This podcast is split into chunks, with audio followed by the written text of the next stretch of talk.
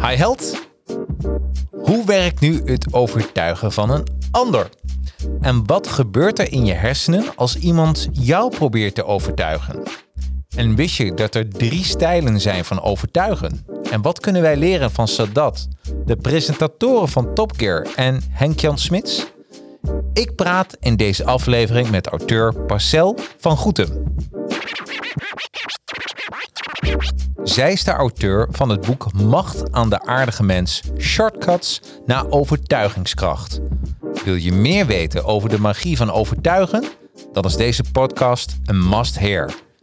Mijn naam is Jacarino en je luistert naar Jacarino's Advertising Heroes podcast. Here we go. Yeah, the advertising heroes. Let's go. Okay, the advertising heroes. Time for you to know. Help you get your name buzzing for the world. Time to show. Help create a market plan. Now it's time to get it rolling. Even offering you live and online courses. Yeah, yeah. Time to strategize. If you ready, let's begin.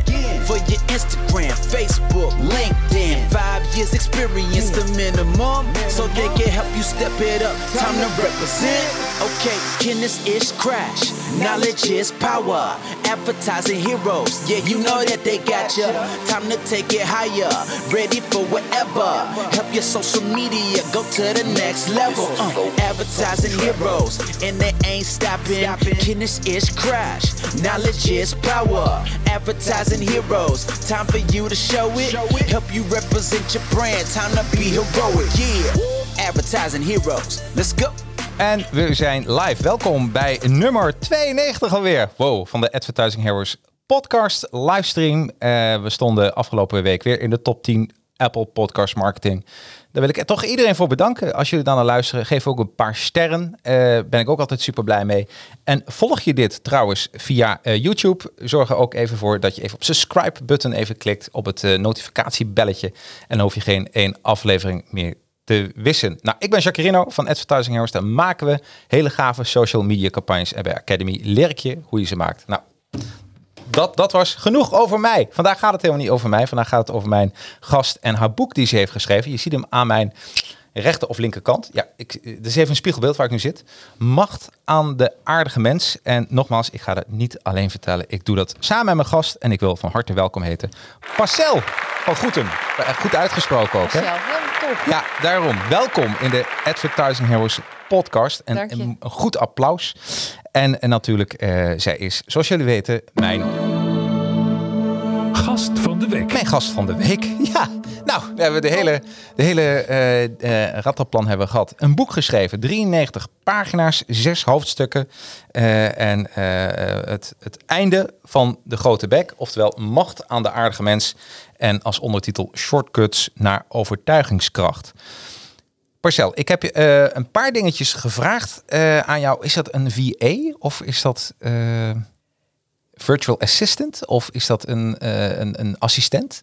Merel bedoel je? Merel, ja. ja. Merel is, bestaat gewoon. Bestaat, ja. ja. Oké. En zij, zij komt ook wel eens live bij mij gewoon met iets met koffie. En, Ja? en dat we echt samen in één ruimte zijn. Ja, Maar uh, de afgelopen, uh, nou zeg twaalf maanden, is het toch wel heel erg virtueel allemaal. ja, hè? Ja, ja. maar wel heel fijn. Dus, Ja, het eh, is echt fantastisch. Ja. Ik, ik, er zijn een hoop dingen die ik niet kan en die zij echt briljant doet. ja, nou, dus Zoals zouden deze afspraak heel soepel. Ja, dus dat, we, dat we gewoon eigenlijk- afgesproken moment allebei hier zitten. ik vind dat iedereen een merel verdient in het leven, of niet? Ja, ze is eh, Dus dat is... eh, zo.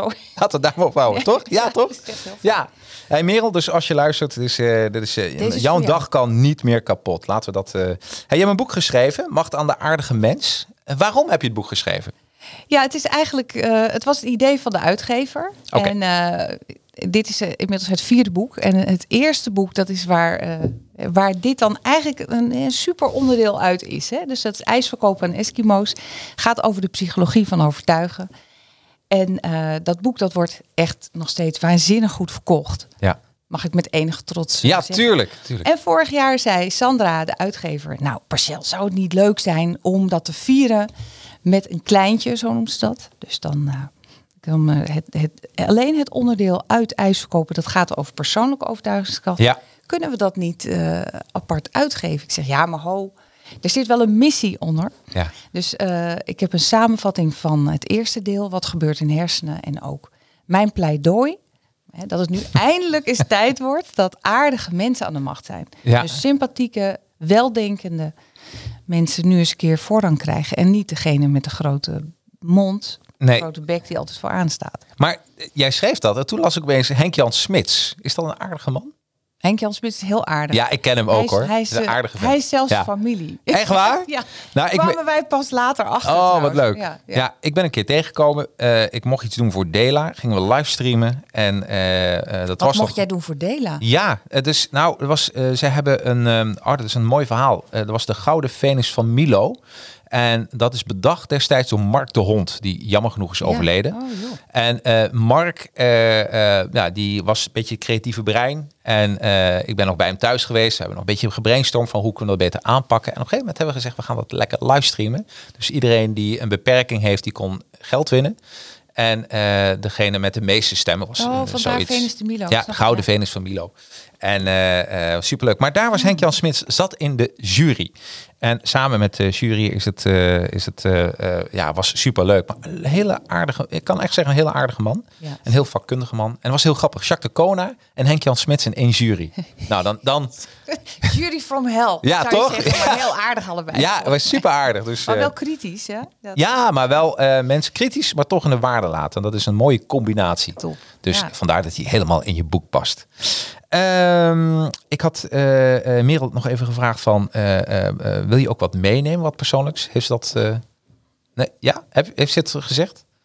Nee? Nee, Nee, dat maakt niet uit. wel doorgegeven dat ik kon zeggen wat mijn favoriete drankje was. Ja, absoluut. en, dat, dat, is weer- ben jij dan weer vergeten. Ja, ben ik weer vergeten. Dus eigenlijk, Oh. Merel, we staan gewoon Iets in één. persoonlijks. Nou, ja, ik kan whisky. best...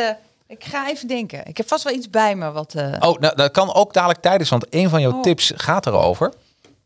Over het meenemen van dingen. Tenminste, ja, dus dat is ook leuk. Ja, ehm, en het, bestaat eigenlijk uit zes hoofdstukken. En eh, wat ik heel leuk vond van het eerste hoofdstuk, de mythe. Eh, en de mythe is, je hebt het of je hebt het niet. En die overtuigingskracht. ja. Maar je schrijft eigenlijk dat dat een mythe is. ja. Nou, vertel. Nou, er komen vaak mensen naar mij toe. Hè, die hebben dan omwille van hun eh, boodschap of hun werk of hun dienst... hebben ze heel veel overtuigingskracht nodig. Dat zijn mensen in de politiek, maar dat zijn ook ZZP'ers... die aan de weg willen timmeren of ondernemers. En eh, dan leeft er zo'n idee... Hè, ja, je bent Gandhi of je bent het niet. Hè? Ja. Dus als je Gandhi niet bent, laat verder maar zitten. Hè, heet je niet Barack of Michelle, dan is het eigenlijk al een gelopen race. Ja. En dat is gelukkig niet zo. Nee, dus eigenlijk is eh, dat is dus de mythe. De mythe is dat je het zou moeten hebben, een soort aangeboren gen, genetisch. Eh, maar, maar als je het niet hebt aangeleerd, hè, kun je het dan wel leren? Ja, dat is, dat is mijn werk, zeg maar. Dat is ik jouw werk. mensen leer Ja. hoe je overtuigend bent. Ja, want sommige mensen die hebben ook iets in hun gezicht dat als die binnenkomen denken, nou die is echt niet aardig hoor. Toch? Ja, En dat leer je hoe ze dat wel een beetje met onder andere een malt whisky, wie ik vergeten oh, ben. Malt whisky helpt eigenlijk overal. zeker voor overtuiging. Nou, kijk, wat ik. Kijk, ik heb me eigenlijk mijn leven lang dus wild geërgerd aan het feit dat er mensen vooraan staan die niet per se het beste idee hebben, maar wel kennelijk dingen heel overtuigend brengen. Ja. Dat geldt ook voor organisaties. Sommige zijn succesvoller dan andere. Ja. Sommige boodschappen zijn overtuigender dan andere. En eh, die, dat hoeft niet per se het beste plan te zijn. Hè? Of degene met het beste idee. Nou, dus ik ben ooit twee dingen gaan onderzoeken. En dat is ten eerste, wat is nou kennelijk wat er in de hersenen gebeurt als wij overtuigd raken? Dus wat, wat is dan kennelijk de hefboom voor overtuigen? Ja. En ten tweede, wat is dat dan precies wat die mensen doen die zo succesvol zijn en overtuigen? Wat doen die organisaties? Eh, En welke boodschappen zijn dan kennelijk heel succesvol? Ja. Nou, en het idee is om dan die best practices, die, die allerbeste ideeën te geven aan mensen die heel aardig zijn. Dat is toch geweldig? Ja, dat is echt. eh, Ja, het is een soort, eh, je- het is echt een levensmissie van jou ook, hè? Een levensmissie. Ja, toch? Ja, ja, best wel. Ja. Ja. ja. Ik, we krijgen meteen vragen binnen. Arjan zegt, hé, hey, wat leuk. Dat boek heb ik ook gelezen. Arjan is trouwens een, een, een hele goede fotograaf. En als je dol bent op de Efteling, kijk eens even op de website van Arjan. Eh, Marvin zegt, klinkt als een leuk boek. Goede titel sowieso. Marvin is eh, ook een retro smasher. Dankjewel, Marvin. Ja, en eh, Arjan, deze lijkt me inderdaad ook leuk. Complimenten aan de schrijfster, erg prettig om te lezen. En een goed boek voor sollicitaties lijkt mij. En Marvin, ik weet dat jij op dit moment gaat solliciteren. Dus hij is zeker de moeite waard om, om te Hij is lezen. gewoon echt voor in je achterzak. Dat je Ja. denkt, oké, ik ben nu op weg naar de sollicitatie of naar een onderhandeling. Ja, of Even een tip. Als, als je bij een sollicitatie komt en die persoon is niet aardig, dan geef je hem gewoon dit boek. Het, Toch? leven gaat er echt een stuk beter uit. Ja, ja, ja toch? Ja. Ja. ja. eh, van, eh, nou, weet je, diep, heel diep binnen ben je best wel aardig, maar je moet even dit boek Je hebt lezen. nog even kleine aanmoediging. Even nodig Ja. om te nou, ontdooien. misschien is dat, dat vind ik wel fijn om even toe te, toe te lichten. Want Ja. eh, we hebben dus gekozen voor aardig. Mm. En eh, daar heb ik inmiddels heel wat vragen over gehad. Want aardig, hè, dan zou je kunnen denken aan Sinterklaas. Maar daar gaat het dus niet per se over. Nee. En niet over iemand die de hele dag zo wat, wat eh, loopt eh, te glimlachen. Daar gaat het niet over. Wat ik bedoel met aardig, en dat moet eigenlijk in de volgende drukken, want zelfs in Ja. de derde druk vind ik ook heel leuk. Maar eigenlijk zou aardig, noem ik dan mensen die de belangen van anderen behartigen. hè. Ja. Ook als dat ten koste gaat van eigen geld, tijd, moeite, energie, gewin, status, Ja, prestige. En ja. dan, als je echt je nek uitsteekt. Ja, precies. En, dan, eh, en, oh, en een stukje overtuigen komt er ook bij. Hè? Want eh, Ja. iemand die alleen aardig is, hoeft niet te overtuigen. Precies. Die is gewoon aardig. Ja. Weet je? Daar, daar. Ja. En van een aardige boterham kun je niet eten, is een nieuw gezegde volgens mij. Ja, inderdaad. Ja, zo is Ja, toch? Ehm, even kijken. Ehm, je hebt een paar dingen, eh, ehm, eh, eh, eh, zaken onderzocht. Het zijn drie zaken. Werking, hersenen bij overtuiging, wil ik daar even op terugkomen. Oh nee, en tweede is wat maakt mensen, organisaties en boodschappen overtuigend? Wat gebeurt er eigenlijk in mijn hersenen als ik jou nu probeer te overtuigen om, eh, om iets te doen wat je eigenlijk niet wil? Wat er in jouw hersenen gebeurt. Nee, wat er gebeurt Wat in jouw hersenen. Dus, dus ja, mij precies. overtuigt, Ja, Op het moment dat jij iets doet, ja. laten we eerst over jou hebben. Als Ja. jij doet zoals ik denk, ja, maar zo moet iemand niet doen. Nee. Of dit past helemaal niet bij hoe ik vind dat de wereld moet draaien. hoe- Ja. hè, dan blokkeer ik op voorhand al. Stel dat jij iets doet, hè, dan, dan hebben we het over jou. Stel dat jij wel doet zoals mijn hersenen denken dat, dat iemand moet doen. Ja. Hè, in, eh, dan kom je door, door dat filter en dan sta ik dus open voor wat je te zeggen hebt. Hè, dan ontspan ik en dan denk ik, ja, dat, precies, nou, inderdaad, nou. En dan ben ik open voor wat jij zegt. En dan kan het vervolgens nog zo zijn dat jouw boodschap vervolgens, dat ik denk, ja, hoor eens, dat is totale onzin. Dus, eh, dus eigenlijk moet dat, dat filter is eigenlijk steeds aan. Wij scannen alles met onze hersenen als, is dit wat wij vinden, wat wij normaal vinden, wat wij vinden passen bij onze verwachtingen Ja, precies. bij onze overtuigingen. Past het daarbij? Ja. En dat maakt het overtuigen zo complex. Hè? Dus de hersenen zijn op die manier eigenlijk bij iedereen hetzelfde wel eh, aan het werk. Alleen de kunst is erachter komen. Wat vinden de hersenen van die ander eigenlijk normaal? Dus dat hangt compleet af van wat iemand heeft meegemaakt in zijn of haar leven. Ja. In het boek beschrijf je ook het chameleon-effect, hè? Oh, help me out. Ja. Wat, wat staat er? Oh, dat, even, ik, heb, heb ik, heb, hem- ik, heb, ik heb hem opgeschreven. Die vond ik zo leuk. Even kijken hoor. Chameleon-effect, dat is... ehm, ik heb hem even opgeschreven. Jongens, die het boek hebben gelezen, jullie mogen ook reageren. Want ik heb hem... Of had ik hem voor mezelf gehouden? Oh ja, hier. Ja, ik wist wel. Ah. De meest briljante zaken, die schrijf ik altijd even op. En dat zijn er heel veel. Ja, pagina 53. 53. Ja, dames en heren thuis, u kunt er gewoon meekijken en meelezen. Ja. Eh, zo beschreef John Bark en Tanya eh Chartrand in 1990 het chameleon-effect. Ze lieten proefpersonen samenwerken aan een taak met een partner die getraind was in het halen van een bepaald fysiek Ja. bedrag. En, ehm, en de proefpersonen die het gedrag het meest kopieerden, beoordeelden hun partner achteraf als aardiger dan de proefpersoon die minder kopieerde. Ja. ja, dus dat is het chameleon. Als in zeg maar, het, het kopiëren, wat we ook Ja. in de jaren negentig allemaal leerden aan mensen. hè, Van je gaat spiegelen, je gaat Ja. precies doen wat de ander doet. En dat geeft een enorme vertrouwdheid. Ja, Ja, en dat heeft- vind ik dus echt briljant. ja, het is onvoorstelbaar. Als je, je kunt op YouTube bijvoorbeeld filmpjes zien. Hè, dat eh, mensen die heel succesvol zijn in sales of in, eh, in gesprekken. eh, dat is eigenlijk net een dans. Dan zie je dat dat draai is dan versneld af. En dan zie je die mensen helemaal in sync, zeg maar, min of meer samen bewegen. Dat is hartstikke leuk. Dus daaruit, en on- onder dit onderzoek eh, heeft daar, hè, sluit daarop aan.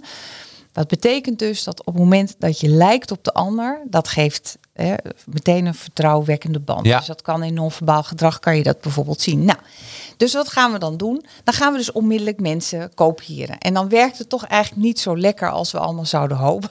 Ja. Ehm, ik heb het zelf ook gedaan hoor. Eh, Ja, ik, gaf, ik gaf sales trainingen ooit. En dan leerden we dus mensen. Hè, stel je wil Jacqueline overtuigen. Dan ga Ja. je dus. En dan ga je zo ongemerkt. Ga je, Ga je net zo zitten als ik. Net zo zitten. Oh kijk, let op. En Je haargrens flink naar achter. hè? Aargrenzen achter. En als jij dan dit doet, dan ga ik ondertussen ook een beetje zo. En dat hebben ze dan niet door. Nou, dat hebben ze Ja, wel door. ja. Want het wordt op een gegeven moment heel raar. Ja. En bovendien, dat is een ander nadeel. Je gaat dus veel meer letten op hoe iemand erbij zit dan dat je echt luistert. Ja. En dat, het interessante eraan is, eh, we moeten het niet omkeren. Hè, zeg maar, eh, dit komt omdat mensen die empathisch zijn, die doen dit veel meer dan mensen. De mensen die echt Ja. luisteren, die doen dit vanzelf. Sterker nog, alle mensen doen dit vanzelf. Dat Ja. heeft te maken met die spiegelneuronen. Ja. En mensen die dat heel weinig hebben, en mensen op het autistisch spectrum, die hebben juist die spiegelneuronen minder. En zijn daarom dus ook minder goed van nature Om dat aan te voelen van wat moet ik doen. Ja. Maar goed, het kan wel eens helpen als je met iemand in gesprek bent. en Je denkt, ja, het klikt gewoon niet echt. Dat je denkt, goh, ik lig eigenlijk zelf onderuit. En die ander zit enorm naar voren geëngageerd te zitten. Dat je dan zou kunnen denken, oh nee, misschien klopt die, die vibe niet helemaal. Ja. Dus, dus het is wel handig om dingen bij te kunnen sturen. Maar ik wil dus heel erg af van het, dat je dat de hele tijd gaat zitten monitoren. Hoe zit ik er nu bij? Ja. Want dan wordt het een heel gek spelletje. En dit is ook een beetje hoe je het brengt. Ik vergeet nooit meer, ik was met een collegaatje van de reclamebureau, waren bij een klant. En die klant was eh, een of andere manier... eh, we kwamen al binnen en die was boos. Dat zag je meteen. Hè? En we kwamen Dat binnen... was bij, bij Mitra. Nee, bij, nee, nee, nee. Oh, Mitra, nee, nee, was bij, een andere, bij het reclamebureau. Mitra is een, eh, is een drankenketen waar ik heb Ja, gewerkt. nee, ik denk als jij het hebt over oud werk, dan Nee, nee, dit is het daarbij. recla- Daarna ben ik eh, als reclamejongen verder gegaan. ja, ja, ja. Maar toen ging ik samen met mijn reclamemaat maat gingen we naar die klant toe. En die klant was gewoon boos. En eh, waarom weten we niet? En, eh, en, er was zo, en ik was aan het praten en praten. En ik was dan nog net begonnen. En ik kwam er gewoon niet doorheen. Dus ook in mijn be- onbewust de trucjes een beetje toepassen. Nou, trucjes weet ik niet of dat waren. Maar gewoon proberen contact te maken. Ja, Maar wat er gebeurde, en dat vond ik zelf wel heel interessant. eh, ehm, ehm, ehm, op een gegeven moment, mijn collega die er veel langer in het vak zat, die keek hem aan. En die zei alleen maar, waarom ben je eigenlijk zo boos? en het was zo direct. En toen kwam die klant pas los. En toen konden we verder. Dat vond ik zo mooi. Dat, ik, ik heb toch nog nooit meegemaakt dat je zo direct... gewoon echt straight. Ja, maar ook, eh, het was even stil. En toen zei hij van, ja, eh, ja, waarom ben je zo boos? En dat vond ik ook wel mooi. Als je even een impasse hebt, op wat voor manier dan ook. Want het kan ook zijn dat die klant net ruzie met zijn partner heeft gehad die ochtend. Ja, Dat zijn hond zijn veters heeft opgegeten. Je weet het niet, hè? ja. Dus dat kunnen allemaal dingetjes zijn. Ja, nee, maar het is een mooie om- manier om je in ieder geval te focussen op dat je de ander eerst ontspant. Ja. Dus dan kan je niet overtuigen. Dan, hè, dan komt niks binnen. Nee. Nou is dit wel een...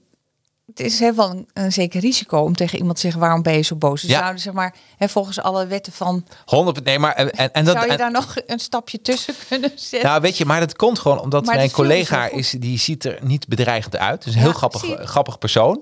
En die ging echt zo, weet je, zo van, "Waar- waarom ben je zo, weet je, een beetje Ja, ja, fluisteren precies, bijna. ja. Dus en da, dan kun je het maken. Dan kun je het zeker maken. Ja. En sterker nog, dan haal je ook natuurlijk heel veel gedoe uit de lucht. Precies, en dan komt, kom je tot de kern. Dus ik vond het dan heel mooi, maar daarom vond ik dat zo mooi. Ehm, dan heb je eigenlijk een eh, eh, hoofdstuk 2. hoe werkt onweerstaanbaar worden? En eh, eh, wanneer begint het eigenlijk dat je andere mensen moet overtuigen? Wanneer, in je, wanneer begint het bij de mensheid eigenlijk? Bij de mensheid is het natuurlijk al zolang als we ons heugen. Hè, stel je, je, bent, je ziet die beer en je denkt, die moeten we hebben. Ja, Dan moet je dus anderen, wat ga je in je eentje niet, niet fixen. Dus dan moet je op een of andere manier je buren ronselen om samen achter die beer achter te. Dus ga je mee? dan ga je mee. Hè? Dat is heel goed Gezellig. En eh, nee, dus ik, ik denk dat dat van alle tijden is dat we andere mensen nodig hebben Ja, om dingen voor elkaar te krijgen. En eh, dus overtuigen is al zo oud als de mensheid. ja. Eh, En kinderen zijn er ook heel kinderen goed in, be- beginnen meteen. Hè? Dus Ja. vanaf geboorte leren we al, echt v- van de get-go, leer je dat. Dan is het nog natuurlijk trial and error. Je huilt. Ja. Je hebt nog niet zo heel veel aan arsenaal. En dan ontdek je op een gegeven moment... hé, hey, als ik huil, dan gebeurt er wat. Dan Ja. komt er iemand naar me toe. Ehm, wij vullen zeg maar ons hele mandje met mogelijkheden en strategieën al vanaf de eerste dag. Bizar, hè? Ja, Ja. En zelfs honden doen dat. zelfs honden doen dat. Ja. Ik heb zelfs ontdekt, ik, ik had altijd het idee, je bent een honden- of een kattenmens. Dat, Ja. dat schijnt, is ook een mythe, blijkt nu. Ja, absoluut. Ja, Ja. ja. Ik dacht dus altijd, ik ben een hondenmens, maar nu heb ik toch ook een keer een kat gehad. En dat is echt superleuk. ja. Maar die, is, die kun je dus ook dingen... Leren. Wist je dat? Ja, absoluut. Ja, wij hebben, eh, eh, eh, sterker als ik mijn baard nog verder laat groeien, dan word ik Noah genoemd in Husse, denk ik. Want we hebben best wel veel dieren. Twee parkieten, vier, twee poezen, twee katten en een hond. Dus, en het leeft allemaal bij elkaar. Wacht even, en die parkieten, hoe moet ik me dat voorstellen? Die, die fladderen bij jullie ook? Ja, nou, dat, is, dat is echt. Dit is een heel apart verhaal. Die ga ik dan even vertellen. Ja, leuk. Ehm, eh, er was, ik kreeg, ehm, ik had twee poezen en ik had een hond. En ik wilde, eh, ik wilde graag een hond. Want dat, dat ging, gaat ook Nee, samen, dat ging toch? totaal niet goed samen. ging niet nee, maar Oh, ik wilde oké. een hond. Ik dacht van, ach, gewoon doen en kijken waar het schip strandt. Dus Hm, ik mijn hond, nou, beste vriend ooit trouwens. En, eh, eh, maar die poezen, die waren, ja, die waren de hele tijd nu boven. Die kwamen niet meer naar beneden, want die waren bang voor de grote boze hond. En toen zat ik van, eh, nou, ik ben een kattenfluisteraar gesproken. Misschien moet ik daar iets mee gaan doen. Maar toen kreeg ik allemaal regeltjes, niks voor mij. Veel duurde allemaal veel te lang. En eh, ik dacht, dat ga ik niet doen. Dus ik zat met een sigaartje. Ik zat de deuren open. Eh, en ik zat naar buiten te kijken met een sigaartje. Ik dacht, hoe ga ik dit oplossen? En toen, dus, dit is niet gelogen, dit is echt gebeurd. Toen vloog er een pakiet bij mij naar binnen. En, eh, en die pakiet die bleef in de gordijnen hangen. En hartstikke zielig. Want ik dacht, als die pakiet nu laat gaan, gaat hij dood. Eh, wat doe ik ermee? Nou, mijn bo- hond bood erachteraan. Want die dacht, hey, een, een vogel. Ja, een prooi. vogel. hey, vogel. Hey, Ja. vogel, een prooi. Eh, dus ik heel snel met de buren een klein kooitje geregeld. eh bij de neergezet. En eh, nou, toen vond ik het ook zielig. Dat was Robin, heb ik hem genoemd. Toen dacht ik, dat is ook zielig. Heb ik een tweede erbij gehaald. De Batman. Robin en Batman. Hoe leuk is dat niet? Dus waarom niet? En een dag later had ik een hele grote foyer thuis staan. Ik heb helemaal niks met vogels, hè? Ja. Dus dat, dat, Ja. dat beestje vliegt naar binnen. Die Ja. hangt nog in de vitrage. Precies. Hoe van die vitrage naar het... Ja, hoe is dat? Hoe is dat? Nou, dus ik heb een hele handige buurman.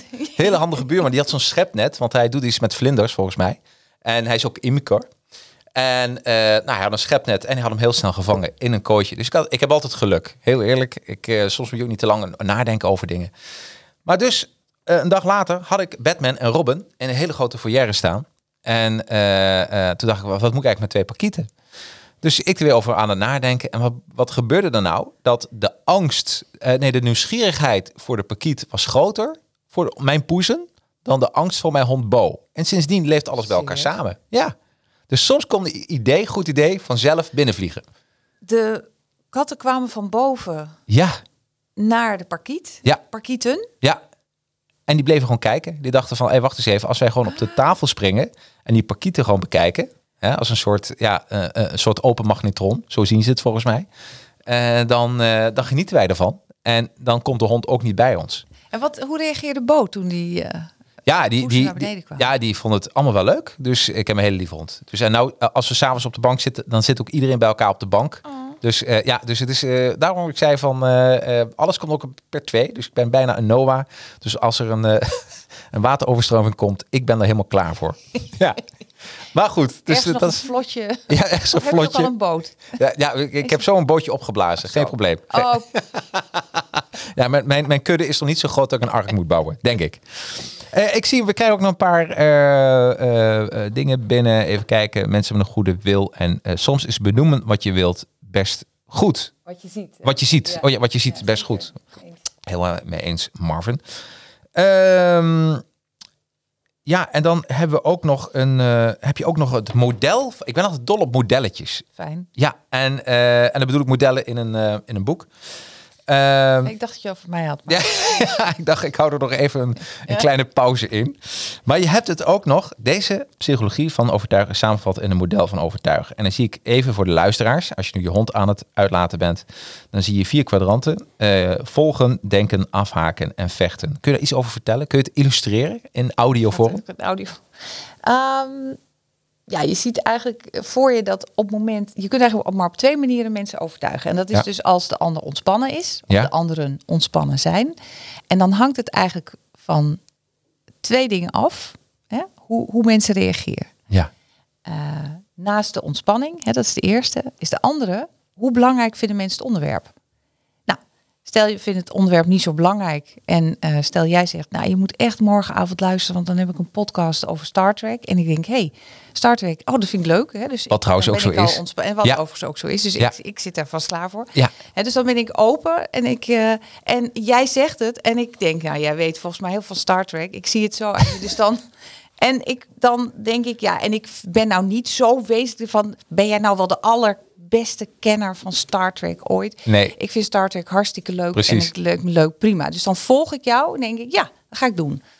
Maar denk ik, wacht even, ja, Star Trek zit ik al jaren in. Ik weet alles over Star Trek en ik vind het heel belangrijk. Omdat precies de goede, dan ga ik eerst denken, is Jacarino wel de aangewezen persoon? om- Precies. want dan ga ik erover nadenken. Ja. Dus afhankelijk van hoe belangrijk we een onderwerp vinden, zullen we, als we ontspannen zijn, luisteren naar iemand. Maar dan zal nog uitmaken of we zomaar klakkeloos ja, Oh.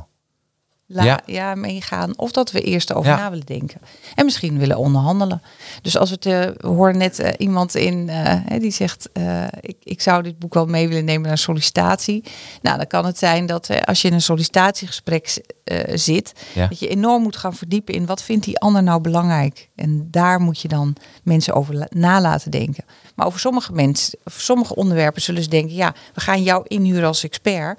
Prima, als jij dat zegt, dan geloven wij jou. Ja, oké. Oh, dus dat zijn de twee, de twee richtingen De eigenlijk. standen, ja. Ja. Nou, en dan kan het natuurlijk ook nog zo zijn dat iemand niet eh, eh, ontspant van ons. Ja. Hè, omdat, ze iets, dat wij iets doen wat niet past bij hun verwachtingen. Ja, En dat noem ik dan verzet. Hè, dan, dan op een of andere manier. Ja, en dat is altijd. anders. Dat kan zomaar gebeuren. ja.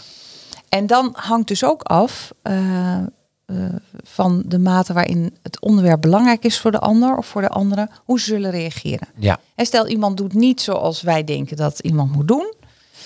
En het onderwerp is onbelangrijk. Dan denk je nou, gewoon lekker laten kletsen. Ja. Dat, is- dat, dat is dan afhaken. ja. De talk to the hand. Ken je? Ja, ja, ja. Talk to the hand. Of ja, tuurlijk. voor hele goede relaties. Hè? Ja, schat, je hebt gelijk.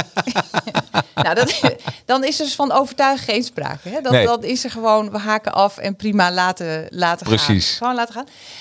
Als we een onderwerp hebben wat we heel belangrijk vinden, met diezelfdegene die wij niet, eh, waar we niet voor openstaan, daar zullen we actief er tegen ingaan. Dat is fight, flight, freeze. Oké. Ik weet niet of het nu helemaal. Ja, ja, voor mij is daar ook voor de luisteraars, denk ik, en de kijkers, ja. Want dat had je bijvoorbeeld, eh, eh, ja, ik moet toch even noemen, in corona, toen dat net gebeurde, een jaar geleden in maart, toen bleven mensen echt, eh, die dachten, we gaan ervoor, Ja. we gaan leuke dingen doen. Ja. En de anderen die, die bevroren helemaal. Ja. En, en de anderen die, ja, die gingen wegvluchten. Die, ja, letterlijk, die zeiden van, ik, ik stop even een tijdje met mijn handel en ik, paar, ik ga Exact. op sabbatical of zoiets. Ja. Ja. Ja. Dus, en dat is eigenlijk wat er altijd gebeurt, hè? Zo, zo gebeurt het, ja. En inmiddels zijn we allemaal wat minder eh, volgzaam. En denk, Ja. eh, hè, dus van, eh, hebben ook mensen nu echt... Hè, dat actieve verzet heb je nog steeds. Ja. Maar er zijn ook mensen die ondertussen denken... weet je, ze, ze kunnen alles zeggen wat ze willen. Hugo de Jonge, Mark, super jongens. Maar wij gaan nu even een biertje drinken. Ja. Hè, top. Maar, dus dat is zeker een gelatenheid. En dat, dat er ook niet meer binnen lijkt te komen wat ze zeggen. Nee, nee, want het is, het, is, het alsof je een. eh, dat, eh, ik kijk bijvoorbeeld die persconferenties al niet meer. Omdat ik, ik hou sowieso nooit zo heel van herhalingen bekijken. En dit is voor mij. Het voelt als een herhaling, hè? Ja, ja, ja. ja, jij, Ja. Heb jij dat niet? Ja, Ja, ja dus weet je, dat is. En, en, en dan denk je, ja, eh, het, zelfs het decor ziet er hetzelfde uit. Ja, ja het, is, het is gelukkig hebben we. Nee, je moet echt goed opletten. Laat ik niet nog een grap maken. Maar de- dat, inderdaad, je moet, je moet echt goed opletten Ja. om de inhoud te horen. En ik ben echt een welwillende burger. Jij natuurlijk ook. Ja, hè? Dus je absoluut. wil echt je best doen om alles te snappen. Ja. Wat bedoelen ze nou precies? Maar het lijkt allemaal heel erg op elkaar. Ja, Hè, als we niet oppassen, eh, lijkt. eh, Oké, dus de universiteiten moeten nog gesloten blijven, maar je mag wel naar een nagelstudio. Op een of andere manier is het dan wordt het op een gegeven moment ook te veel. nou daarom. Hè, dus, daarom. eh, en dan krijg je wat frictie. Maar het is ook niet meer leuk. Het is ook niet meer spannend. Een beetje infotainment mag er best wel weer een beetje inkomen, toch?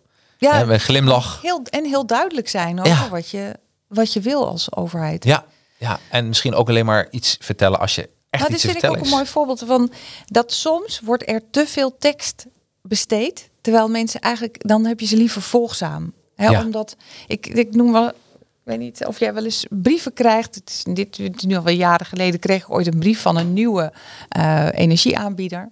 Een brief. Een brief, hè? Oh, wauw. Een brief, dat bestond Juist. toen nog. En dat was, nou ja, zoals je ze ook nog steeds krijgt van de postcode loterij en alle andere, als je niet nee, nee op je deur. Nou, en dat was een brief waarin zij aanbevolen om over te stappen op groene stroom. Ja. Dat kostte vier A4'tjes Ja. met argumenten. En in de, in de kolom had je dan zeg maar ook dat bekende Nederlanders. En Dries Roelvink vond ook, nee, groene stroom is echt de ticket. Hè? Dus, en dan zat er een antwoordkaart bij met, eh, nou ook nog een keer hè, uitleggen waarom het zoveel beter was en waarom je goedkoper uit was. En eerlijk gezegd had ik na het lezen van die vier A4'tjes het idee van, waarom vraagt dit vier A4'tjes als ik en goedkoper uit ben en Precies. is het beter voor het milieu? Dus dat werkt heel veel wrevel en gedoe. Ja, En eh, dat is eigenlijk dus het nadeel van heel veel tekst. absoluut. Als je ook kan zeggen, jongens, je bent goedkoper uit. En het is goedkoper, dus het is hooguit nog dat je moet uitleggen dat er niet een addertje onder het gras is. Want het is too good to be true. Hè, Precies. Ja. Nou, dat weet jij. Ja, nee, maar- Hoe zou jij dat doen in social media dan? Oh, is heel makkelijk. Eh, hou je tekst er eh, zo kort als het kan. Omdat eh, ik schrijf, wij schrijven heel veel verkoopteksten bij Advertising Heroes. Ja. En waar, wat je soms ziet als mensen hier bij ons komen, dan we schrijven heel veel, eh, we schrappen heel veel van die teksten. En de reden is dat eh, meestal geeft men heel veel redenen om iets niet bij jou te doen. Want als je een hele lange tekst leest, denk je, ja maar luister, maar dit heb ik al. Of dit, ja, dit ken ik al. Of, dus je geeft gewoon redenen dat mensen echt gaan nadenken van... eh, dus je kan beter denken van, oké, wat zouden de bezwaren van iemand kunnen zijn waarom ze bij jou kunnen gaan kopen? En die bezwaren, kijk, zitten die in jouw tekst? Met, een- met een creatieve geest kun je ze, eh, zitten ze erin, haal ze eruit en houd lekker kort. Ja. Bij groene stroom is het heel makkelijk, denk ik. Van, vertel gewoon van, joh, eh, dit kun je nu besparen. Gewoon, dit, dit is, dit is zou ik eerder laten inspireren. Wat kun je allemaal met het geld doen? Leuke dingen. Ja, precies. Ja, Stop daar je energie in. exact. Dat is een mooie slogan. Stop daar je in. Nou, Hè? We hebben waar weer. eh, wij zitten live. even kijken hoor. Ik, eh, ja, even, ik vind het wel een harpje waard, vind je niet? Ja. Misschien wel twee zelfs. Ja, misschien wel twee. Even kijken, we krijgen nog wat vragen. Ehm, oh ja, van Arjan. Eh, als ze graag model wil zijn, is ze bij mij hier welkom hoor. Ja, absoluut. Absoluut Arjan. Dus, eh, en je kan het zelf eh, gewoon zien. Dus. oh, jij zei ze. Jas, ja, weer jammer natuurlijk. hè, Ja. want- Ik ja, ik word- inderdaad ook persoonlijk. ja, ja. En terecht. Even kijken. Dan gaan we naar, eh, even kijken, de stijlen van overtuigen. Want dan kom je boek aan, stijgen overtuigen. En dan heb je eigenlijk drie stijlen van overtuigen. Je hebt de overtuiging als autoriteit, als vriend en als voorbeeld. En als we dan kijken naar eh, de, eh, de autoriteit, dan praat je over positie, props en persoonlijke uitstraling. Oftewel, charisma is heel belangrijk. Soms hebben mensen dat helemaal niet door, hè, dat ze die eigen charisma al hebben. Maar kun je die wel kun je die kweken? Kun je een charisma kweken? Of blijft het gewoon een soort onzichtbare energie? Oh, wat een mooie vraag. Eigenlijk na zoveel jaar daar mensen op eh, bestudeerd te hebben, Ja? durf ik te zeggen dat we het allemaal in ons hebben. Dat klinkt eh, misschien wat onwaarschijnlijk. Sommige mensen laten het heel veel zien. Ja, ja, Kinderen bijvoorbeeld. ja. Hè? Eh, wat blijkt nou het geheim? Misschien harpjes om het. Oh, even kijken. Wat is het? Even kijken. Even- Dit is mooi voor een snackable. Jongens, hier komt hij. Wat is het geheim van charisma? Dat je je ontspannen gedraagt. Hoe meer je lijkt Ja? op jezelf als je ontspannen bent, hoe meer overtuigingskracht je hebt. Oh, die is mooi. Ja. Ja, als we kijken naar eh, favoriet voorbeeld. Ja. Barack wordt geïnaugureerd. Ja. Hè? Dan heeft hij zijn verhaal gehouden. En daarna gaan ze in de Beast, hè, in dat enorme Ja. hè, eh, auto, zwaar bespa... eh, over Pennsylvania Avenue. En dan op een gegeven moment stapt dus de president uit de Beast met, met zijn vrouw in dat geval toen, hè, ehm, met Michelle. En wat gebeurt er dan? Mensen in extase. Ja. En natuurlijk ook de hele context en net geïnaugureerd en waanzinnig dat deze man is worden. Maar iedereen staat er alsof het God zelf is. En ook kijk, ook Michel, hoeveel charisma. Maar als je bedenkt, wat deden ze eigenlijk op dat moment? Gewoon. Ze stapten uit hun auto en ze zwaaiden en ze liepen Ja. in niet al te hoog tempo. En dat is eigenlijk dus de grap, zeg maar, dat eh, zo, zoals wij zeg maar zelf op parkeerplaats van de Albert Heijn of hè, Ja. loop je naar de Albert Heijn, je komt bekennen tegen, hey, En dat is eigenlijk wat ze doen. Ja, Hè, dus ja. geen haast, ontspanning, gezellig. En de kunst is dus niet zozeer hè, voor charisma dat je denkt, ik moet Michel en Barack nadoen. ja. Nee, wat je moet doen is, hoe zou ik doen als ik ontspannen ben? En Hoe doe ik dan? Ja. En, dat, en dat dan, en dat is dus de, het knappe van wat hij kan. Hij is natuurlijk fantastisch en zeer charismatisch, maar dat hij, wat er ook op hem afkomt, in welke penibele situatie ook, hij altijd ontspannen blijft doen. En dat is de kunst. Dus het gaat niet zozeer om wat doe ik aan en weet je wel, en eh, gaan we allemaal Angela Merkel nadoen? Nee, want dan ga je weer juist je best doen en dan word je juist minder eh, eh, charismatisch. Ja. Dus het is eigenlijk altijd op zoek gaan juist naar hoe ben ik nou als ik op mijn best ben. En Ja. dan zijn er natuurlijk wel een aantal dingen die met elkaar overeenkomen. Hè. Dat is dan dat je meer tijd neemt voor dingen. Dat je meer glimlacht. Dat je veel empathischer bent. Je hebt Ja. veel meer lef. ja. Dus je hebt eigenlijk van die drie stijlen. Hè, je bent het krachtigst en het sympathiekst. En je hebt de meeste ballen. Hè, je hebt de meeste lef. Ja. Als je, dus ben je het koelst als je ontspannen bent. Nou, ik ben er, ja, weet je, dat is mijn leven. Ik ben er Echt? helemaal mee eens. Ja, joh, wat natuurlijk. Mensen zeggen altijd tegen mij, Jacques, je, je, je stress nooit. En het is eigenlijk ook zo. Ik heb trouwens een eh, flesje water, je Dank je. water. Dank je. Nee, maar ik geloof er zo eh, ontzettend in. En weet je wat ook zo makkelijk is? Dan hoef je maar één stijl te hanteren. En dat is gewoon jezelf. Ja. En dat is, dat is, maar, en Ja. dat is niet per se makkelijk. Voor jou gaat dat dus, is dat kennelijk heel makkelijk. En, Ja, hè, maar het, het, de kunst is natuurlijk, en de mensen die eh, daar advies over komen vragen, die wordt echt vaak het leven ongelooflijk zuur gemaakt. ik kan me dat voorstellen. En dan is dus de kunst, hoe, hoe blijf ik dat dan volhouden? En welke mentale of fysieke, welke mogelijkheden heb ik Ja. om, om zo krachtig te zijn? En als je ontspannen bent, ben je weer aardig. Ja, Dus, en dus de titel klopt. Het is echt, eh, als er een titelcheck was, dit, eh, deze podcast, dan, dan Oh. ging, ging nu al de koelkast naar jou toe. Die had je al gewonnen. Dus echt. eh, Oh, Marvin zegt dus wel grappig dat je dat zegt. Want, ik, want wat ik vaak hoor als ik positieve eigenschappen is uitstraling en rust. Is blijkbaar dus een win-win situatie. ja. Dus Ja, en, ja. en te gek, want als we ontspannen zijn, dan denken we ook sneller. ja. Dus het heeft eigenlijk alleen maar voordelen. Alleen, je hebt niet altijd de kans om, stel je staat Ja. voor een, een moeilijke situatie of een klant of iemand haalt je het bloed onder de nagels vandaan, om dan zeg maar op dat moment het dan ook te kunnen. En dat is wel een, dat is echt een training. ja. En eh, dat, dat kan je dus leren. En er zijn natuurlijk nog veel meer best practices die fantastisch zijn. Ik denk, dit kan niet waar zijn dat dit werkt Ja. om mensen te overtuigen. ja. Maar de, de echt, de, de groot, het grootste inzicht was wel dat ik dacht: oké, er zijn dus heel veel mensen die kennelijk iets heel erg goed doen. Want andere mensen raken in vervoering. Ja. Of eh, andere mensen gaan met ze mee. Dit wil en ik dan ook. is dit dus het, het. Dit is eigenlijk de, het eh, knooppunt, zeg maar. Ja, wat- Het is echt de hefboom. Hey, en, en, en, en dat klopt wel, want mensen die niet zo aardig zijn, die zijn mensen ook niet zo heel ontspannen. Dat klinkt misschien raar. eh, en dan bedoel ik meer, ze zijn wel aardig, maar dat, dat komt op dat moment niet heel goed uit de verf. Eh, heb je ook eh, tips? Eh, Een paar, hoe raak je ontspannen? Kijk, jij bent het al van nature, ik ook. Ik bedoel, dat, dat merk ik. Maar er zijn ook mensen die, die eigenlijk de hele tijd met een soort samengeknepen billen door het leven gaan. Ja, nou, ik, ik vind het fijn dat je. Ik ben er nu ook ontspannen. Ik vind het ook heel erg leuk. Dus ik hoef nu niet mijn best Oh, nee, nee, nee, nee, nee. ontspannen te Ja. doen. Maar dat, dat kan soms wel helpen. Hè? Dat, dat ik dus tegen mensen zeg: doe maar zoals jij doet als je ontspannen bent. Fake it. Ja. Dan gaat je lichaam ook voor je aan het werk. ja. Maar inderdaad, dat is een manier. Ja. Dus ik, ik zie grofweg drie manieren om te ontspannen. Ja. Hè? Of om zo overtuigend mogelijk te zijn als je niet ontspannen bent. En de eerste is. Oh, even wachten hoor, even wachten. Oh, de eerste manier. harp. de eerste manier. De eerste manier is fysiek. Ja. Gewoon dat je denkt, hoe sta ik erbij? Ja. Hoe zit ik erbij? Hoe doe ik? Ah, ik kan misschien wel wat vertragen. Misschien kan ik iets meer glimlachen. Misschien kan ik... Ja, dus dat je jezelf als het ware corrigeert fysiek. Ja. Dan helpt het, dan helpt je lijf. En je kan je voorstellen als je heel gestrest zit, dat het ook niet helpt mentaal. Hè? Dus Nee. je kunt jezelf als het ware alvast programmeren. Oh ja, even opletten, hoe, hoe doe ik?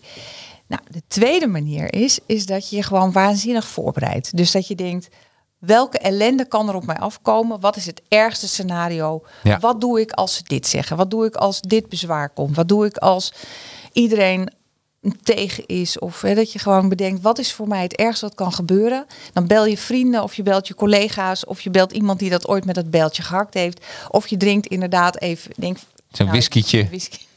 Dat moet toch een running case worden. ik ben niet eh, voor drank om als oplossing, maar ik bedoel als dat je Even echt prepareert, Ja, van tevoren bedenkt, wat kan er gebeuren en wat ga ik dan doen? ja, Hè, dus dat is. eh, Ja. Voorbereiding is alles natuurlijk, dat je bedenkt. Hè?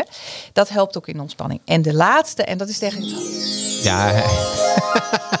het hoogste haalbare, is denk ik, dat je je op een gegeven moment zeer mentaal anders gaat voelen. Ja. Dat je denkt, wat nou als alles oké is? Wat nou als alles oké is? Ja. En dat is denk ik iets wat eh boeddhisten eh, Ja. ook leren. En eh, ik ben daar zelf nog niet altijd. Maar laat Nee. ik zeggen, nee, tuurlijk, het helpt gewoon als, als alles gewoon mag zijn. Als er niet meer iets te fixen valt. Als je denkt, oké, ze hebben een bezwaar of ze kijken allemaal boos. Nou, let's go from here. Ja, Zoals jouw collega, wat, je, wat jij schetst in het begin, dat je denkt, oké, we hebben nu een gesprek. Als wij nu gaan praten over welk onderwerp dan ook, komt überhaupt niet binnen, want Nee. deze man is boos. Ja. Laten we daar beginnen. ja. Dus dan is, dan is er niets meer te fixen, snap je? Nee. Dan, is het gewoon, het is zoals het is. En dan maakt het ook niet meer uit welke kant het op gaat. Want eh, ster, eh, eh, slechter dan dit kan het toch niet meer zijn. Ja, ja. Dus ja. En ja. dat is nou, een van de, de, de mooiste voorbeelden van is denk ik Bibian, die natuurlijk ons net ontvallen is. Ja.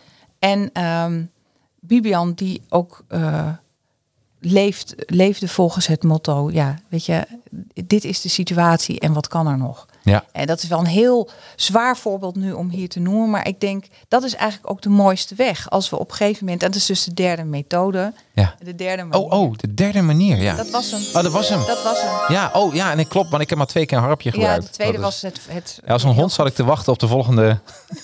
Het woordje twee. Moeten we even getriggerd hoor. Dus bij mij werkt dat heel Ja, goed. Een soort Pavlov-effect van harpgevoel. Nee, ik hoorde geen twee. Ik hoorde geen twee. Nee. Ja, de tweede was dus je inhoudelijk Ja, voorbereid. precies. Ja, ja. Mooi hoor.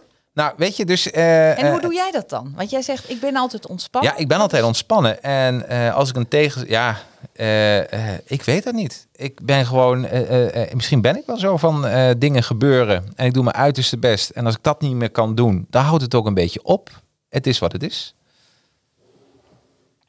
Nou, dat is dan, dat heb ik nog niet altijd. Nee. Maar dat, dat is wel inderdaad een hele mooie. Ja. En overigens, veel tegenslagen hebben, ouder worden, alles helpt. Zeg Ja, maar, Om absoluut. steeds mentaal natuurlijk sterker te worden. Ja. En niet meer zo de hele tijd te denken, er moet wat gefixt of ze kijken boos. En dat zegt iets over mij. Weet je, nee, op een gegeven moment leer je dat misschien, hè, dat, dat niet alles persoonlijk te Eh, nemen. eh, een mooie was dat iemand zei een keer tegen mij, vond ik echt de meest fantastische uitspraak ooit. Hij zei, Jacques, volgend jaar huilen we om weer wat anders. Die vond ik ook briljant. heel goed, ja. Over honderd jaar lachen we er allemaal om. Ja. Ja, daarom. Ja. Even kijken, dan hebben we ook nog een... eh, ik ben dol op experimenten. Ik ben dol op modellen en ik ben dol op experimenten. En er staat een heel leuk experiment in jouw boek. Dat eh, is... eh, even kijken. ja, de Don't Try This at Home experiment. Of Try This at Home experiment. ja, ja. Try this, wat je nodig hebt zijn twee auto's. Bij voorkeur een bescheiden middenklasser en je nieuwe glanzende Bentley. In het experiment staat de onderzoeker met een auto voor een rood- stoplicht. Als het licht op groen springt, trekt de onderzoeker niet op, maar klokt met, met de secondenwijzer hoe lang het duurt voordat degene in de auto achter hem klaksoneert. De Doop and Gross experiment uit 1968. Vind je het niet geniaal? Ja, vind ik echt Dus heel die, geniaal. Die, die twee hebben dus daadwerkelijk bedacht. Wat Ja. als wij nu hè, met twee verschillende auto's vooraan staan bij een stop? Nee, je hebt het net voorgelezen. Ja, En dan lag dus zeg maar één van beiden lag met een stopwatch op de achterbank te klokken. ja. Hoe lang het duurde totdat de achter, auto's achter begonnen te klaksoneren. En dat is, eh, nou, het is meer dan de helft. Blijft dus gewoon heel braaf. Gewoon, het werd het alweer groen. Voor de Bentley, een grote Het Mercedes. alweer rood, weet je, het is al dat hele rood, het groen was alweer voorbij, het werd alweer rood. Nooit hele groen geregistreerd zelfs, want die Bentley, de rij- rijder zal dan wel weten wat hij of zij doet, zoiets, hè? Nou, ik zou je vertellen, dit is dus, ik had je boek gelezen. En hebt met je eh, Bentley een paar deze- weken, nee, een paar weken geleden. En, eh, ehm, en het mooie was, ik stond achter een auto en er was een eh, grote Mercedes. En die stond voor het stoplicht, bijna hetzelfde. En, en er stond groen, maar het trok niet op. En ik dacht bij mezelf, hij zal wel een reden hebben waarom hij nu niet meteen eh, weggaat. Dat, dat hij nog niet verder rijdt. En toen dacht ik, ah, het is gewoon het experiment wat ik heb gelezen in het boek. Ja. Dus je denkt ook echt van, hij zal echt niet zo dom zijn dat hij in slaap is gevallen. Maar dat, er zal wel echt wel iets zijn. Ja. Misschien eh, dat er iets is met zijn motor. Het is, ja, ja, precies. Het is Ja, te zot. briljant hè? Ja. Ja. maar het is eigenlijk wel hoe, hoe, hoe je eigenlijk eh, denkt. En hoe je vertrouwt op autoriteit. ja, Want daar komt het eigenlijk een beetje op neer. daar hè? komt het eigenlijk op neer. Ja. Nou, zou ik het experiment een keer in Nederland willen herhalen? Want in Nederland zijn wij net iets kritischer op autoriteit dan in de rest van de wereld. Ja. Dat is ex- expliciet voor Nederlanders zo. Dus Oh. oh, die is wel leuk. ja, zullen we die een keer doen? Ja, we gaan eh, Ja. heel goed. Dan eh, ga je, iemand van ons twee moet achterin klokken. precies. En de ander gaat rijden. en dan gaan we er een filmpje van maken. Ik vind En het nu al leuk. Gewoon, we gaan gewoon testen. maar het is, eh, ja, het is onthutsend. En natuurlijk, weet je, het, het, het is ook logisch Ja. dat we vertrouwen op autoriteiten en mensen die we sympathiek vinden en mensen die we cool vinden. Ja, Want we hebben niet tijd om alles te willen checken. Weet je, dat we, Nee, we, moeten, we moeten ervan uitgaan dat onze garagehouder op een gegeven moment zegt: ja, nee, die banden. En dan kan je de banden kan je nog zien. Ja. Maar ik weet niet of jij ook meteen onder de motorkap kijkt als de garagehouder zegt: ja, nee. eh, ik vertrouw hem helemaal. Ik vertrouw mijn verzekeringsman. Ik vertrouw hypotheek. En ik vertrouw mijn garageman. En dat, dat, dat hebben we nodig, anders had je, hadden we geen leven. Nee. Als je geopereerd wordt. Of dan- moet je voorstellen, als je bij de tandarts zit en de tandarts zegt, oh, ik zie het al, E51 esculaat. Dan denk je, prima, joh, doe je ding. Ja, toch? Ho, ho. ja, ho. hele Ik heb even een eh, boekje bij me en eh, nee, dat ga je niet doen. Ja, dus en dat geldt ook voor mensen die, eh, die we sympathiek vinden. Hè? Dat is de tweede stijl. ja. Dat heb je ook nodig. Dat als een vriend zegt, geeft je advies, dat je niet denkt, ho ho, ik ga alles eerst checken. Je hebt soms gewoon vrienden nodig die iets vinden en dat je Ja. op ze kan vertrouwen. Ja, absoluut. Ja, en dat is die autoriteit. Ja, ik vind het superleuk. En dat is dan de, weer de vrienden, inderdaad. Ehm, jeetje, Jan Boek staat echt... eh, weet je, hij heeft, dat wil ik even zeggen, hij is maar eh, 93 pagina's, maar het is gewoon tarwebrood. En daarmee bedoel ik, er zit zoveel per vierkante centimeter in. Dus eh, eh, ja, echt, want ik Wat heb... fijn. Ja, ik heb heel veel aantekeningen genomen en eh, we hebben nog maar een kwartier. Dus eh, eh, mensen moeten gewoon een boek kopen. Oh, zeg ik nu alvast. Dankjewel. Ja, ja, absoluut. Nee, maar dat meen ik ook echt. graag, Ja. En dan hebben we het ook nog over, eh er komen nog een paar vragen binnen. Eh, enthousiasme en te aardig zijn is soms killing, eh, weet ik uit ervaring. Oh Arjen, kan je erbij schrijven wanneer je dat hebt gemerkt? Het is heel, heel interessant. Ja, Of hij misschien loopt. Oh, hij schrijft dat ik soms te aardig ben en vaak zeg: ach, laten we het maar doen. Kan ook moeilijk nee zeggen. Word je als je aardig bent op zakelijk gebied nog wel serieus genomen? Dit is heel lastig, deze vraag. Als je aardig bent zelf niet, hè, dan, dan word je zeker serieus genomen. Maar ik raad altijd aan om die andere twee stijlen toe te voegen. Arjan, kijk even in. ja, Volgens ja. mij zit daar de camera. Ja, daar zit de camera. Ehm, als je alleen maar aardig bent, dan kan het wel eens zijn dat er andere mensen denken: Oh, nou, dat is makkelijk verdiend. Dan, eh, nou, hè, dus dan, dan neem je misschien een heel bescheiden voorschot in een, in een onderhandeling, bijvoorbeeld. En eh, wat kan helpen, is dat je autoriteit toevoegt en voorbeeld. Laat ik, laat ik daarvan een, voorbeeld noemen. Er zijn ook mensen die heel aardig zijn, die bijvoorbeeld niet serieus worden genomen in een vergadering. En dan worden bijvoorbeeld hun opmerkingen niet genotuleerd, bijvoorbeeld. Ja, Dat is echt Ja. serieus. En omdat mensen denken, ja nee, dat meent ze niet zo. Dat meent hij, nou, ik praat nog wel even met hem. Weet je, dat is echt heel irritant. Nou, en eh, wat dan helpt is niet minder aardig doen. Want dat kom ik wel eens tegen. Hè. Dan komen mensen bij mij in de praktijk. En Ja. die zijn dan super aardig. En dat iedereen denkt, ah, maar zo'n Jesse Klaver, joh, die, die is helemaal heel lief. Hè. Nee, ik noem natuurlijk nooit namen. Maar, maar goed, ehm, dus wat je moet doen, dan horen ze wel eens van vrienden of familie. Nou, nou die altijd zo aardig zijn. Ga dan maar eens op je strepen staan. ja, En ik denk dat dat niet een handig advies is. Want het is fantastisch dat mensen je aardig vinden. Ja, En in zaken natuurlijk. Dus dat is het grootste goed. Dat mensen met je mee willen doen. Ja. Dat ze je vertrouwen. Dat je het beste met ze voor hebt. Hè? In plaats van minder aardig doen, stel ik voor dat je de andere twee stijlen toevoegt. Dus je hebt autoriteit nodig om serieus genomen te worden. Ja. Zonder dat je minder aardig eh, wordt. Gewoon aardig blijven, maar ook autoriteit toevoegen. ja, En het kan ook zijn dat je wat inwisselbaar wordt. Dat je wat minder kleur hebt van, ja, er zijn heel veel aardige mensen. Waarom nou specifiek met jou? En dan kan het dus handig zijn dat je ook iets van die derde stijl toevoegt. Dat zit in Oh, kleur dus- bekennen, ja. wat eigenwijzer, wat uniciteit laten zien. Dat is leuk. Dat doet me even denken. Ik had, eh, eh, ik had eh, natuurlijk een vraag van... En, ik kan heel goed met al mijn klanten. Moet ik echt zeggen, ik heb de leukste klanten. Echt, ik heb geen vervelende klanten. Ik heb ook echt leuke klanten. En de grap is dat een van die klanten tegen mij zei... Ah, Jacques, we doen al zo vaak samen. Heb je een vriendenprijsje voor mij? Ik zei, tuurlijk. Heb ik hem 100 euro gewoon duurder gemaakt, offerte. En, en toen zei Jacques, je hebt niet begrepen. Nou, ik zei, vrienden gunnen elkaar net even iets meer. Wiljan, Ja. doet mij nou denken aan uit welke film is dat? Het weet jij misschien. Ja. what, what do you do for a living? Uh, I'm, uh, het, een, uh, god, hoe heet zo iemand?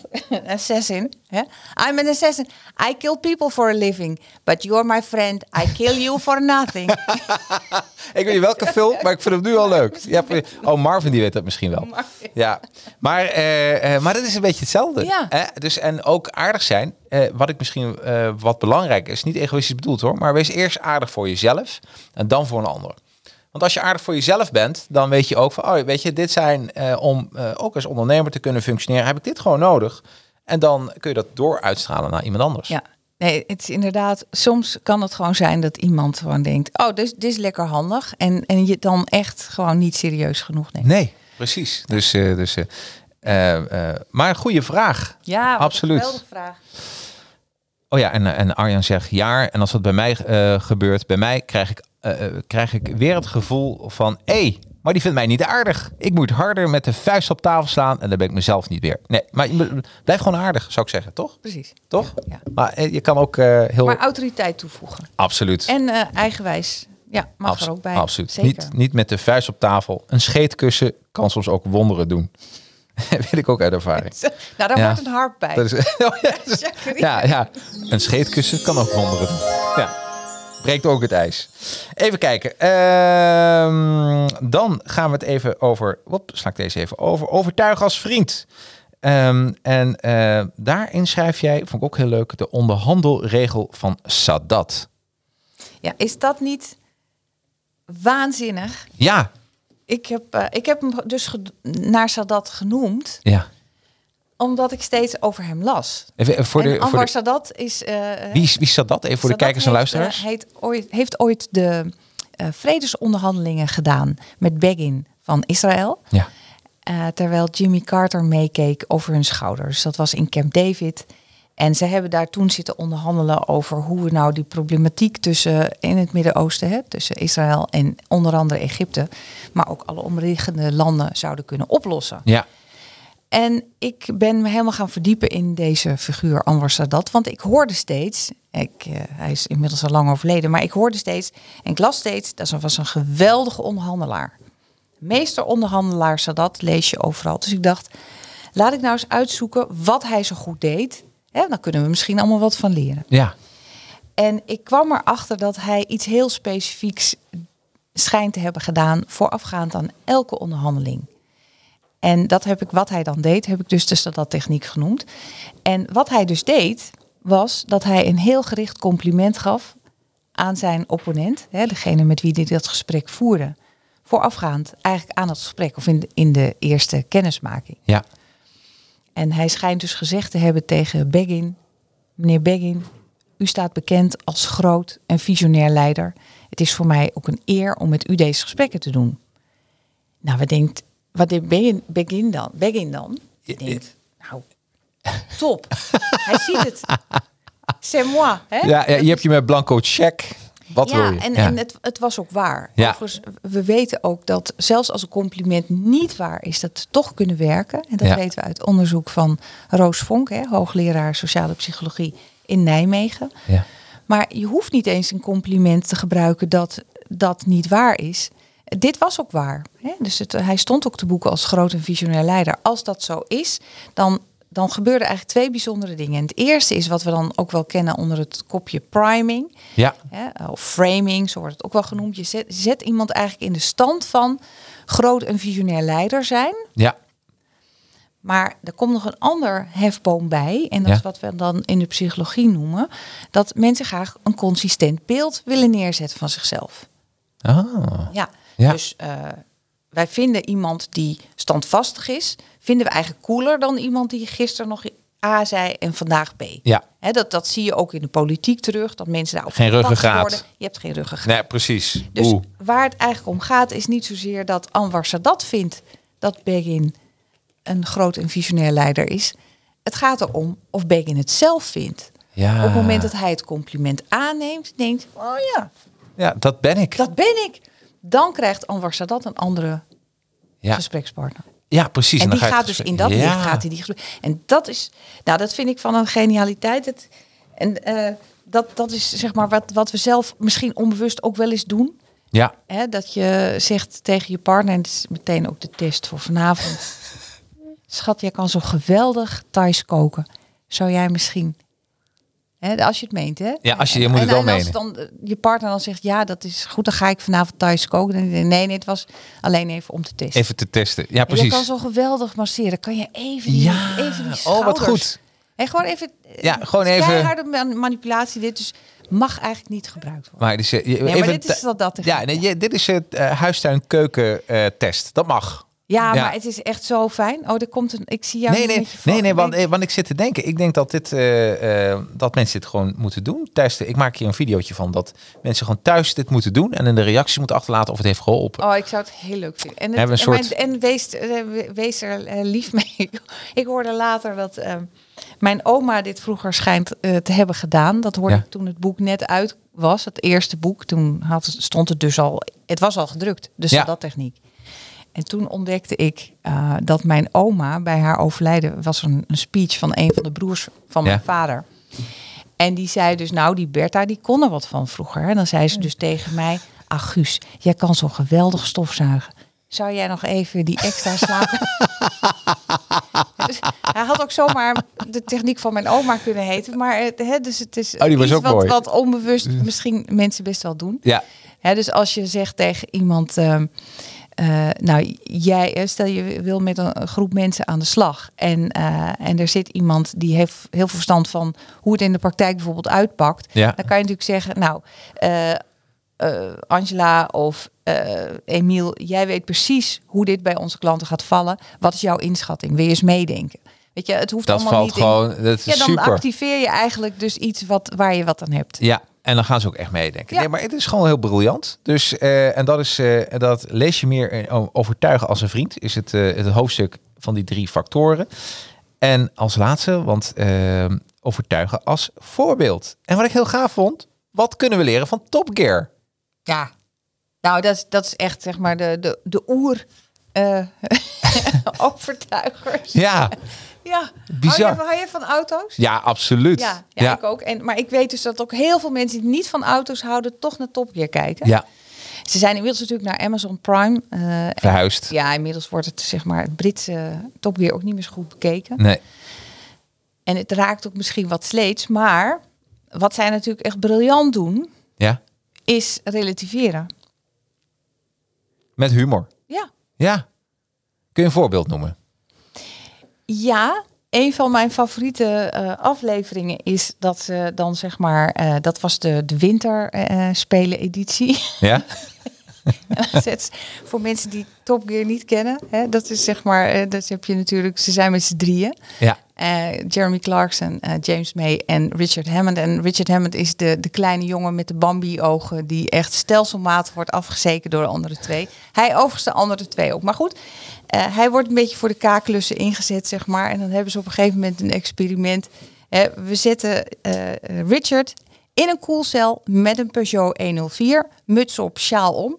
We laten de temperatuur zakken en we kijken wie het het eerst opgeeft. Man or machine. Ja, geweldig toch? Dat is toch super? Hilarisch, ja. Kijk, Ja. hou jij ook van eh Top Gear? Ja, ik, nou, ik heb het begin, vooral bij eh, BBC heb ik het gevolgd. Bij Ja. Prime kijk ik eigenlijk niet meer, terwijl ik het wel heb. Ja, het Maar eh, is- ja, ik echt. vind ze stiekem iets minder leuk Ja. op Prime. Ja, ja. Ja, misschien maar, dan. Ja, maar, maar, het, is- het is een, een vondst om dingen... Zij zijn natuurlijk absoluut autoriteit. ja, eh, eh, maar eh, zij weten evenveel van auto's dan de meeste autoshows natuurlijk die we, die we kennen. ja, Maar die andere autoshows zetten heel vaak in op kijk eens hoeveel wij weten. En wat zij doen is natuurlijk volledig d- juist de auto's die ze fantastisch vinden, die worden nog harder gegrild dan de auto's die ze minder goed vinden. Dus En, en wat je net als, ehm, als tip gaf, aan, aan een van de eh, mensen die een reactie gaven, is eh, gebruik een, een, een, eh, een combinatie van die drie factoren. Ja. Ik noem even wax on, wax off. Maar gebruik, gebruik dat even. Want ik kan me voorstellen dat eh, hun zijn ook een autoriteit, maar ze zijn ook je vriend. Ja. Ik bedoel, dat zijn mensen met wie je een biertje wil drinken. Ja. En, en dat werkt dan weer heel goed. Ja, en ik denk wat zij dus zo ontzettend goed doen en dat, dat we kunnen doen, is dat we het grotere plaatje blijven zien. Ja, Dingen niet persoonlijk nemen, sterker nog, alvast een voorschot nemen op, eh, kan met zelfspot. Hoeft niet altijd met Nee. grappen, maar het grote plaatje schetsen, dat kunnen, eh, dat kunnen mensen die cool zijn. Ja. En eh, als je dat ergens in je hebt, dan kan je dat echt gebruiken om meer cool te zijn. Nou, dit is een mooie, dit is een mooiere afsluiter had ik niet kunnen bedenken. Het, is een Ah. is een compliment. Dus echt, ja, want het is alweer bijna voorbij. Een uur is voorbij. We hebben gesproken over jouw boek Macht aan de aardige mens.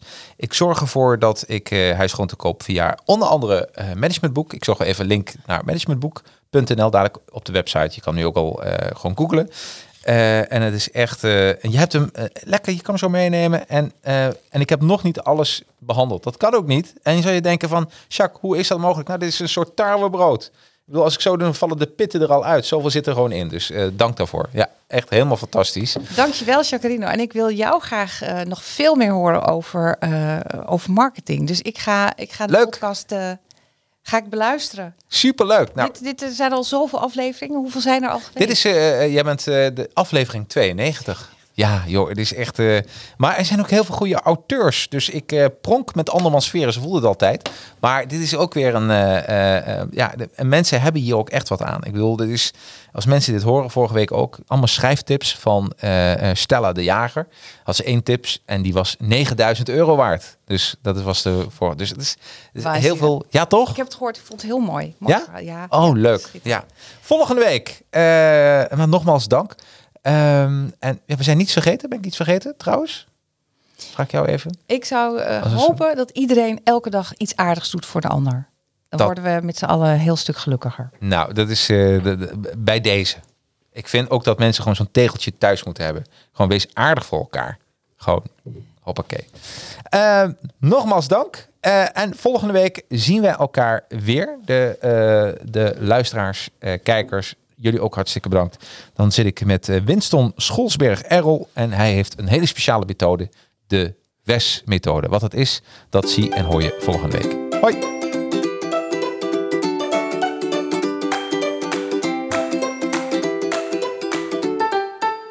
Bedankt voor je interesse in deze podcast.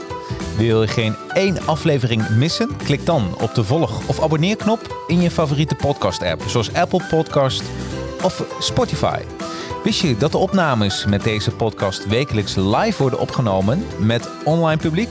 Iedere vrijdag om 4 uur op het YouTube of Facebook kanaal van Advertising Heroes.